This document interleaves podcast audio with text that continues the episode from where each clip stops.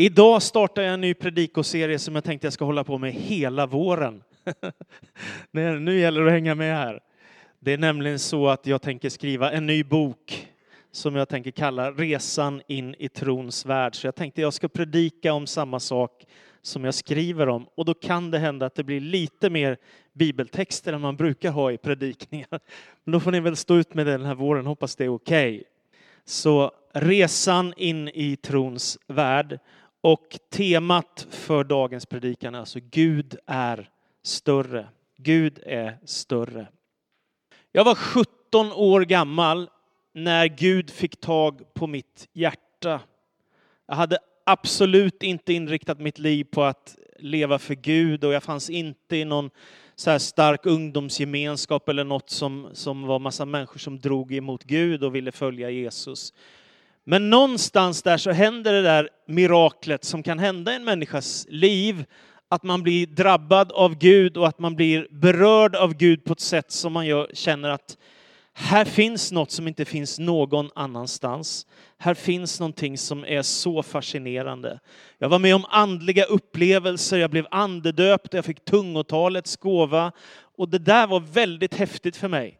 En del tycker det låter skrämmande, för mig var det alldeles underbart. Och jag kände det här var ju något som hade med Gud att göra. Jag fick ett bönespråk och jag kunde be till Gud och tacka honom. Och jag fick en himmelsk far. Det var också en stor händelse i mitt liv att upptäcka min himmelske far. Inte minst därför att jag hade förlorat min jordiske far ungefär ett år tidigare. Och då att få koppla med Gud, det blev väldigt, väldigt starkt. Nu har jag hunnit fylla 50 år och då kan jag se tillbaka på den här 17-åringen och så kan jag tänka, vad var det som hände i hans liv egentligen? Om du har varit med om något liknande som mig och har levt några år nu så kan man ju fundera på vad är det som gör att en människa drabbas av Gud? Och hur kunde det komma sig att när jag var 18 år gammal så läste jag igenom den här boken från början till slut? Vad är det som gör det med en människa? Det är fascinerande. Så Gud blev min kärlek, Gud blev min passion. Det blev omöjligt att leva utan Gud. Mitt liv hade fått en ny mening, jag började en ny resa och jag upptäckte Guds storhet. Och nu ska vi läsa, jag vill ta med dig in i bibeltexten som jag vill läsa idag. Ifrån första Johannes brev, det tredje kapitlet och den artonde versen. Första Johannes 3 och 18 och framåt. Mina barn, låt oss inte älska med tomma ord utan med handling och sanning. Då förstår vi att vi är sanningens barn. Och om vårt hjärta dömer oss kan vi inför honom övertygade om att Gud är större än vårt hjärta och förstår allt. Mina kära, om hjärtat inte dömer oss kan vi stå frimodiga inför Gud och vad vi än ber får vi av honom eftersom vi håller hans bud och gör det som behagar honom. Och detta är hans bud, att vi ska tro på hans son Jesu Kristi namn och älska varandra så som han har befallt oss. Och den som håller Guds bud förblir i Gud och Gud i honom och att han förblir i oss vet vi av anden som han har gett oss. Amen. I den här bibeltexten så avslöjas en viktig hemlighet. Den sammanfattas för mig i temat för dagen i tre ord. Gud är större. Gud är större. Han är större än oss och han vet allting. Han känner till alla våra misslyckanden, alla våra brister och synder. Och ändå älskar han oss. Det är evangelium. Han kommer inte för att döma oss, utan han kommer för att rädda oss. Gud vill att alla människor ska bli frälsta. Och Gud har gott om rum för trasiga människor i sitt rike. Han har kommit för förlorade söner och döttrar. Om vi har gått vilse, om vi har gjort bort oss, om vi har ställt till det i vårt liv så finns det en som älskar oss, som vill frälsa oss, som kan ge oss tröst, hopp och frihet. Så när vi, test, när vi frestas att tänka smått så finns de här orden som kan börja eka inom oss. Gud är större. Gud är större. Tänk att denne ende Gud, han uppehåller hela universum med sin makt. Alla galaxer och vintergator, allt som existerar har sitt ursprung i Gud. Det är för att Gud har uttalat sitt maktord i begynnelsen som du och jag finns till. Vi finns för att Gud finns. Han uppehåller hela världen, hela kosmos, hela universum. Och därför är det viktigaste en människa kan göra att söka sig nära Gud. Så att hon hittar tillbaka till källan och ursprunget för hela världen. Gud är större än alla våra tankar om honom. Det är omöjligt att greppa Gud. Det går inte att fånga honom i ett förnuftsnät. Det går inte att med vältalighet sätta ord på Gud som gör att vi kan fånga honom och sen säga så här är hela sanningen om Gud. Det hjälper inte med det skarpaste intellekt. Det går inte att fånga Gud. Gud är större än våra tankar och våra hjärtan.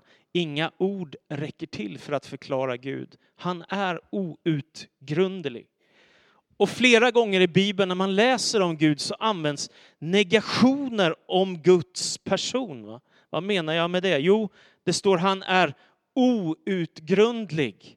Han är oändlig. Va? Han är oföränderlig, osynlig, oförgänglig. Det vill säga, det behövs ett O innan för att förklara Gud och Guds existens.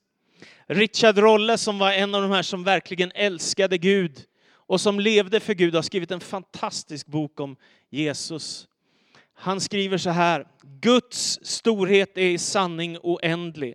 Den är större än vi kan ana, ofattbar för allt skapat och vi kan aldrig fatta Gud sådan som han verkligen är. Men när helst hjärtat blir tänt av en längtan efter Gud kan det här och nu ta emot av det eviga ljuset som aldrig blivit skapat. Inspirerad av den heliga Andes gåvor får vi smaka den himmelska glädjen. Jag gillar sådana här människor som blir lite tokiga i Gud och som vill sätta ord på sin kärlek till denne store skapare. Gud är outsägligt stor. Då tänker en del människor, när du talar om Gud och du talar om Guds storhet, då blir människan liten. Ja, på ett sätt. Men å andra sidan är det precis tvärtom. Tack vare att Gud finns och att Gud är så stor så blir ditt liv större om du vill ha med honom att göra. Varför? Därför att du kopplar med han som är ursprunget till hela världen, till vår existens och vårt liv. Därför blir vi inte mindre, vi blir större. Du får höra som människa när du läser skapelseberättelsen att du är skapad till Guds avbild och likhet. Det finns ingen annan som kan säga något så vackert. Du är skapad till Guds avbild och likhet. Du kommer aldrig få höra vackrare ord än så. Det kan finnas människor som säger jag älskar dig, eller vad vacker du är, eller vilka fina kläder du har, eller vad, vad, vilken härlig människa du är. Sånt kan människor säga till dig. Men ingen kommer säga till dig annat än Gud själv och hans ord. Du är min avbild. Du är lik honom som är ursprunget till universum. Och när man upptäcker detta så kan en kärlek födas och en sång i vårt innersta. Och det är därför som vi sjunger sånger som Så stor är du Gud eller O store Gud eller Stor är du Gud som vi sjöng idag. Vi sjunger till Guds ära därför att han är helig och hela jorden är uppfylld av hans härlighet. Psalm 145 läser jag igen, jag tycker den är så underbar. Kung David har upptäckt vem Gud är. Jag sjunger om din storhet, Gud min konung. Nu och för evigt prisar jag ditt namn, dag efter dag vill jag prisa dig. Nu och för evigt sjunga ditt lov. Stor är Herren, högt är han prisad. Ingen kan fatta hans storhet. Släkte efter släkte ska hylla dina verk och vittna om dina väldiga gärningar. De ska tala om din härlighet, ditt höga majestät och de under som du gör vill jag besjunga. Här är en människa som har fångats av Gud, som har blivit helt tagen och uppfylld utav Gud själv. Trots att han har nått det högsta ämbetet i hela folket. Han har blivit kung över Israel. Han har kommit så långt man kan komma i en mänsklig karriär. Fått det högsta ämbetet och ändå säger han, jag sjunger om din storhet. En del människor fastnar i sig själva. Jag tänker på min egen storhet och hur jag ska lyckas och hur jag ska... Och det blir så tomt, eller hur? Men här finns en människa som sjunger om Guds storhet. Han som är kung sjunger om konung. Fantastiskt vackert. Han har upptäckt sitt ursprung, sina rötter, varför han existerar, varför han finns till. Och hur kan man då lära känna denne Gud som jag nu talar om?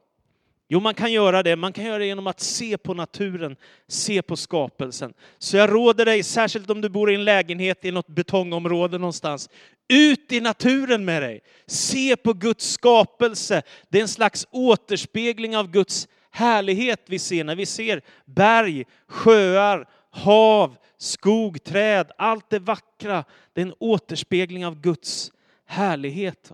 Vi kan se Guds makt i naturen.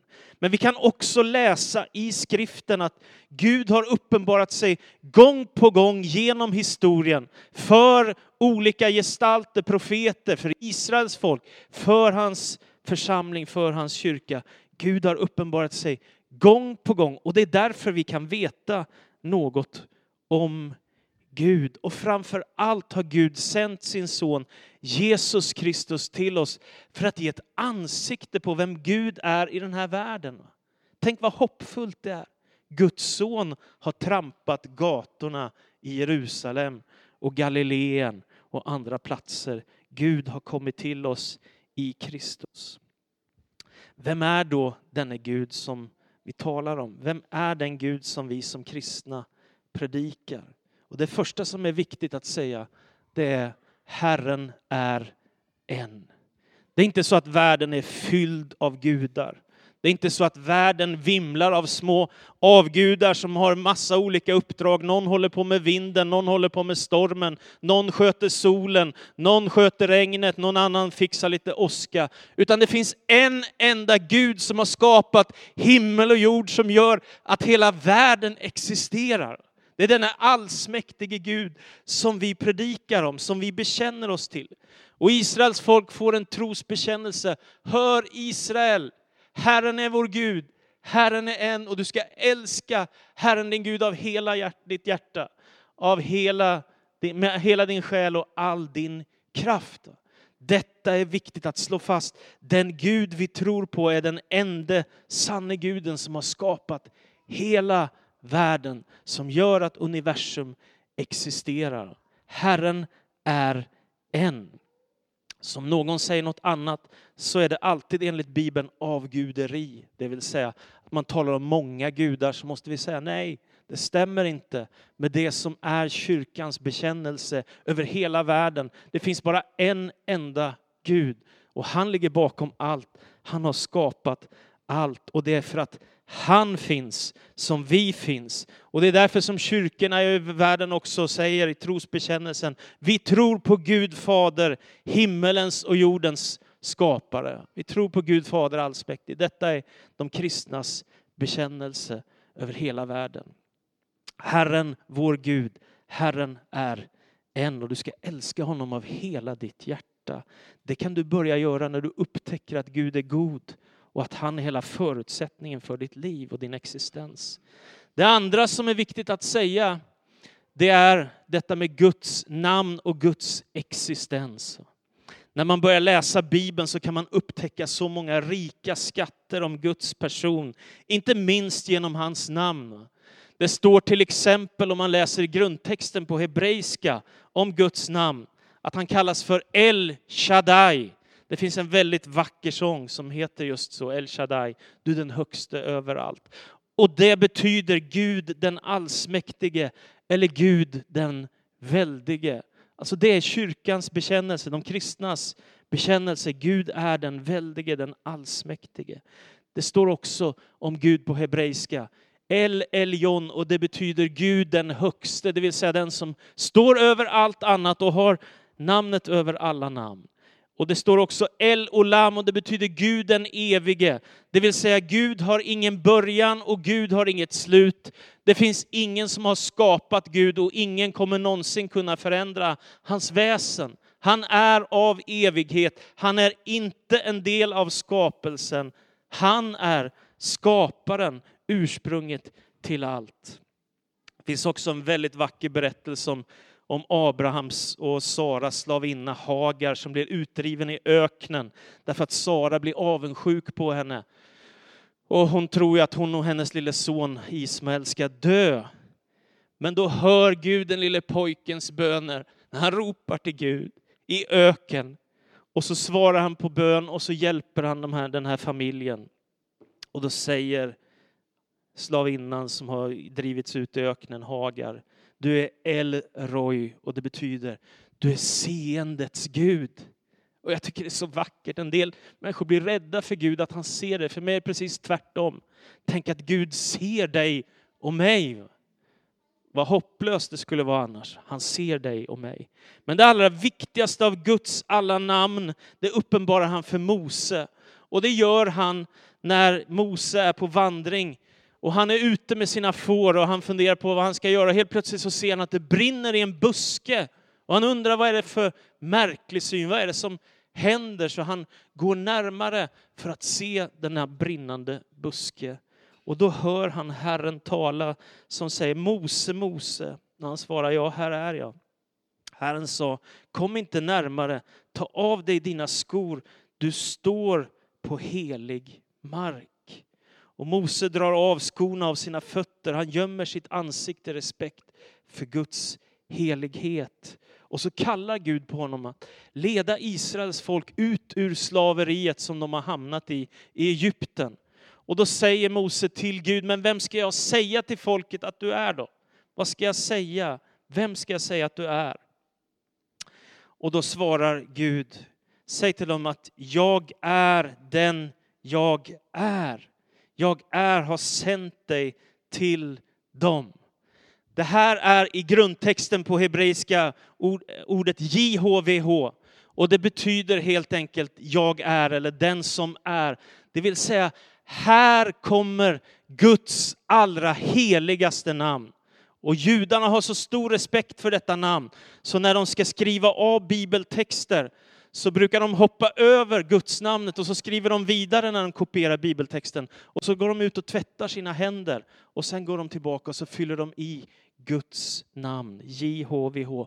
Man tror att det ska uttalas Javé, därför att det finns, bara, det finns helt enkelt bara konsonanter, inte vokaler ifyllda här. Det här är Guds heligaste namn. Och det säger att han är. Om någon av oss skulle säga som oss själva, jag är, det skulle vara väldigt konstigt. Vi skulle alla få säga, jag har blivit till genom mina föräldrar, jag och så vidare. Men Gud säger, jag är. Och det betyder att han existerar i sig själv, av sig själv, oberoende av alla andra. Han är av evighet. När Mose har fått föra, du kan ta nästa bild, när Mose har fått föra ut sitt folk ur slaveriet i Egypten och gå mot det förlovade landet, så ber Mose en bön och det är efter att folket har syndat emot Gud och de har byggt en guldkalv och, och varit avguderi därför att Mose var uppe på berget och bad till Gud. Och under tiden så undrar folk vad händer? Och då ber Gud, då ber Mose Gud om nåd. Och så säger han så här, låt mig få se din härlighet. Och Herren svarade, jag ska låta min höghet och prakt gå förbi dig och jag ska ropa ut namnet Herren inför dig. Och jag ska vara nådig mot den jag vill vara nådig mot och jag barmhärtig mot den jag vill vara barmhärtig mot. Gud förlåter sitt folk. Och Mose, han får ställa sig i en liten klippskreva och så går Gud förbi med sin härlighet, står det. Och han skyler sitt ansikte för Guds härlighet, Mose. Därför att det är så mäktigt, det han är med om. Det fullständigt bländar honom. Och det står faktiskt att det strålar om Mose ansikte när han kommer ner ifrån berget. Guds härlighet. Men Herren uppenbarar inte bara sitt namn eller sin härlighet. Gud är också helig. När profeten Jesaja får se en syn en dag så uppenbaras Guds helighet för honom. Och det blir så oerhört starkt och han hör änglar som ropar helig, helig, helig är Herren Sebot. Hela jorden är full av hans härlighet. Och det står att dörrtrösklarnas fäste skakar. Och det står att röket uppfylls som, eller rummet uppfylls som av rök. Och Jesaja ser sin egen orenhet, sin egen synd. Och så säger han, ve mig, jag är förlorad, för jag bor bland ett folk som har orena läppar. Och då tar Gud ett kol från altaret och rör vid hans läppar. Och så säger han, nu är din synd förlåten och försonad. Och så säger Gud till honom, vem ska jag sända? Vem vill vara min budbärare? Och Jesaja säger, Herre, här är jag, sänd mig. Den är Gud som vi tror på. Han är helig, avskild ifrån ondskan, synden och det destruktiva. Han är evig. Men denne Gud som är helig, han är också kärleksfull. Och det är det som gör att det finns hopp för oss alla. Och man kan tänka så här om, om heligheten är själva bakgrunden till gudsbilden. Det vill säga Gud älskar med helig kärlek. Gud är god och helig. Det går liksom inte att skilja på, det hör ihop. Så är Gud så kärleksfull också. Och det är själva centrum i gudsbilden. Av allt som Bibeln har att säga om Gud så finns det inget som är så starkt som Guds kärlek. När bilden tecknas i Nya Testamentet så skrivs det så här i första Johannes brev 4 och 9. Så uppenbarades Guds kärlek hos oss. Han sände sin enda son till världen för att vi skulle få liv genom honom. Detta är kärleken, inte att vi har älskat Gud, utan att han har älskat oss och sänt sin son som försoningsoffer för våra synder. Det vill säga, Gud bevisar att han älskar oss medan vi ännu är syndare, säger skriften. Alltså det finns en poäng här att Gud är så kärleksfull att han offrar det dyrbaraste han har för att han älskar dig och för att han älskar mig. Därför ger Gud det vackraste, det finaste han har för att frälsa oss och ge oss nytt liv. Detta är Guds kärlek. I Nya Testamentet så används ordet agape och det betyder helt enkelt osjälvisk och utgivande kärlek. Sådan är Gud. Men Gud är inte bara kärleksfull utan han är också den Gud som är närvarande. Det är fantastiskt. Du tar nästa bild. Så Gud finns överallt. Det är helt fantastiskt. Man kan tänka sig att man skulle kunna fly undan Gud. Jona försöker med det till exempel. Men det är omöjligt. Gud är närvarande överallt i hela skapelsen. I Jeremia, det 23 kapitlet, så står det att Gud uppfyller himmelen och jorden. Himlarnas himmel kan inte rymma honom. Gud är större än så. Och det betyder att det är svindlande perspektiv som öppnar sig när man bekänner sin tro på Gud.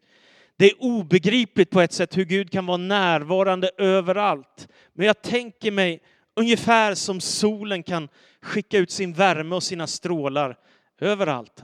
Så är det på samma sätt med Guds närvaro.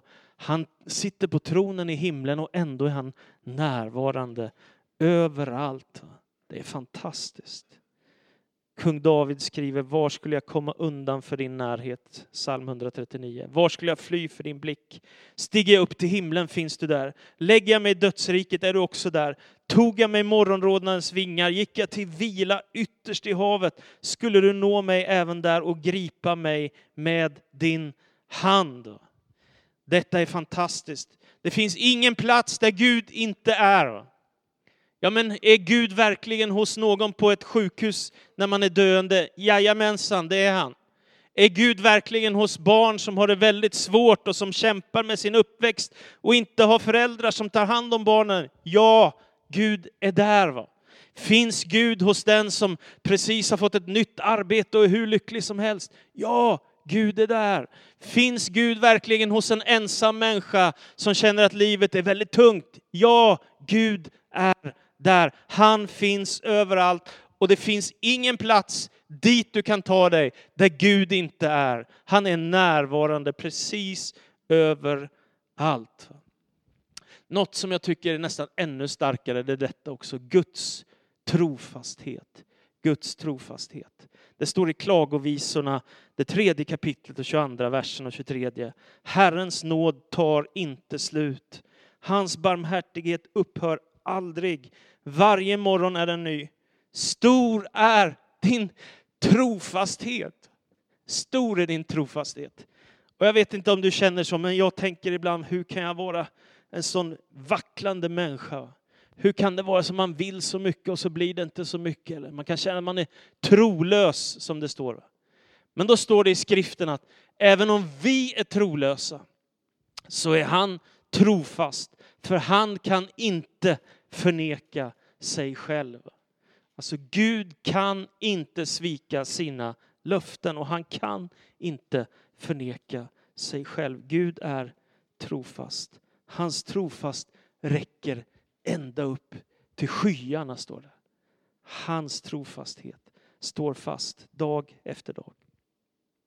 Jag satt med mina pastorskollegor Staffan Hellström och Josef Häggblad från Karlstad och, och Kristinehamn. Vi var på besök på Örebro missionsskola och samtalade med Mikael Telbe som precis har skrivit en bok om Paulus. Vi hade bokat tre timmar för samtal. En sån där riktig nördgrej, vet ni, nördsamtal för pastorer och bibelnördar helt enkelt. Typ så. Tre timmar hade vi bokat för att bara prata om, om den kristna tron. Och vi börjar prata om Paulus och med tiden så växlar man tema och så kommer det massa intressanta frågor. Till slut så talar vi bara om Gud. Och sen så när vi har suttit och pratat i nästan tre timmar på lunchen så säger våran käre vän på skolan där som utbildar pastorer. Ja, för vi kom in och pratade om korset och det Jesus har gjort för oss och så, då säger han det är en del de talar om kärleken som bakgrunden till att Jesus kom för att dö för oss, att Gud älskar oss. Andra de talar om Guds helighet, att människan är så långt bort ifrån Gud och bortdriven liksom ifrån paradiset så att distansen är jättestor. En del håller på med heligheten, en del håller på med kärleken i Gud. Men vet ni vad jag har sett, säger han, när jag läst romabrevet? Det jag har upptäckt är att alltihop handlar om Guds trofasthet, säger han. Att Gud är trofast. Därför att han kan inte svika sina löften. Har han sagt att han ska göra en sak för sitt folk och i den profetiska historien så kommer han att göra det. Därför att Gud är trofast och rättfärdig som han kommer att göra, som han gör detta, som Jesus gör på korset. Ungefär så. Och vet, min kära kollega Staffan som är ganska sjuk, han sitter med tårar i ögonen. Och så säger han, brann inte våra hjärtan när han talade till oss på vägen och så refererar han till Jesus och Emmausvandrarna som det berättas om som möter Jesus efter uppståndelsen.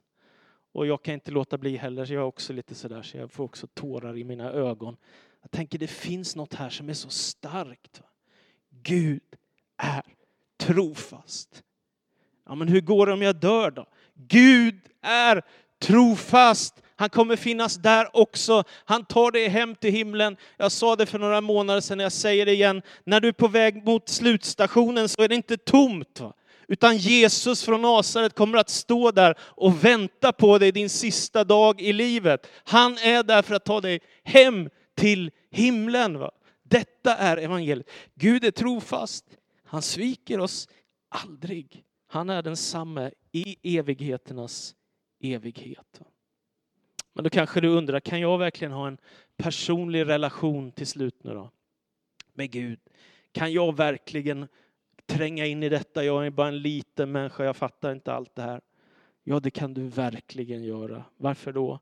Därför att Gud har sänt Jesus Kristus till oss för att visa hur mycket han älskar dig. Han har dött i ditt ställe för att försona synden mellan dig och Gud. Han har gjort allt som behövs för att hela relationen till Fadern. Så allt du behöver göra är att säga Jesus Kristus, jag bekänner dig som Herre och Frälsare i mitt liv. Jag vill bli döpt i vatten för att följa dig och jag vill börja leva med denna fantastiska gemenskap som kyrkan är. Och läsa ditt ord och be till dig och vara en av dina lärjungar och efterföljare. Om du tar tron på allvar då kommer du upptäcka det som en av de stora författarna i vår tid, han är i 90-årsåldern nu, har skrivit. Han skriver så här, om tar nästa bild. Gud är outsägligt stor. Gud är större än vi kan förstå. Och teologerna kallar detta för att Gud är obegriplig. Inte i betydelsen att han använder sig av annan logik än vi, så att det inte går att förstå honom överhuvudtaget utan i betydelsen att, han, att vi aldrig kan greppa honom helt och fullt eftersom han är oändlig. Och det sannaste uttrycket för förtröstan på en stor Gud kommer alltid att vara lovsång. Jag tänker precis så är det att hitta hem till Gud. Hör vad jag säger. Centrum i tillvaron är inte människan. Centrum i tillvaron är Gud.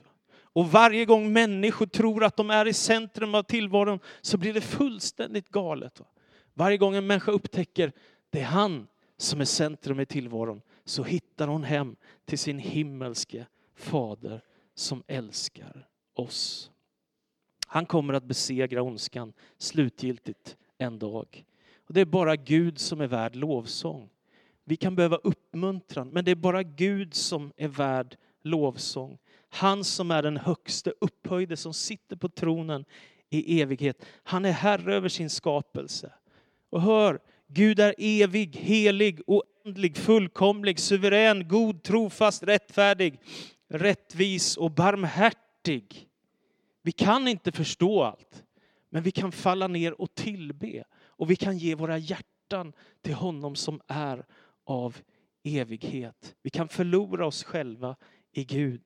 Vi kan gripas och hänföras av den som är oändligt mycket större än allt skapat. Vi kan låta oss omslutas av Gud på alla sidor. Det är våran stora lycka. Vi kommer aldrig helt och fullt att förstå Gud. Men vet du vad? Du kan fånga honom med din kärlek. Inte med ditt förnuft kanske, men med din kärlek kan du fånga Gud och han framför allt vill fånga dig. Gud är större.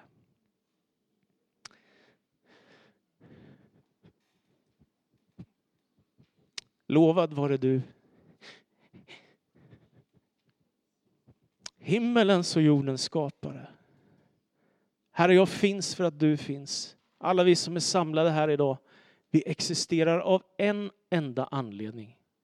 Och det är att du älskar oss. Du ville världen, du satte igång hela skapelsen. Du har gjort oändligt mycket mer än vad vi kan förstå. Herre. Och jag tackar dig för att jag får bekänna mig till denna tro som för mig är helig och så viktig därför att jag själv inte fixar detta. Jag behöver dig Herre. Jag behöver dig Gud och jag tror att varenda människa i våran stad behöver dig Jesus Kristus. Därför så ber jag, låt din helighet och härlighet få drabba oss. Här. Jag ber att det skulle gå på djupet i våra hjärtan. Här. Det är så lätt att bli en ytlig människa. Det är så lätt att tänka på sig själv bara. Det är så lätt att satsa alla sina pengar bara på sig själv och sina egna projekt och allt vi måste göra. Men det finns ett högre syfte, Herre. Och det är det som du har kallat oss till att upptäcka storheten i vem du är, fångas, fascineras, bli tagen av att det finns ingen som du. Så jag vill bekänna idag, Herre, du är större än alla mina tankar om dig. Du är större än allt jag har sett och varit med om. Du är mitt hopp och du är min frälsning. Och du kan ge liv åt människor, Herre. Du kan ge välsignelse och frälsning. Tack för att vi får öppna våra hjärtan mot dig och ge allt vad vi är och har till dig. Så ber vi i Jesu namn. Amen.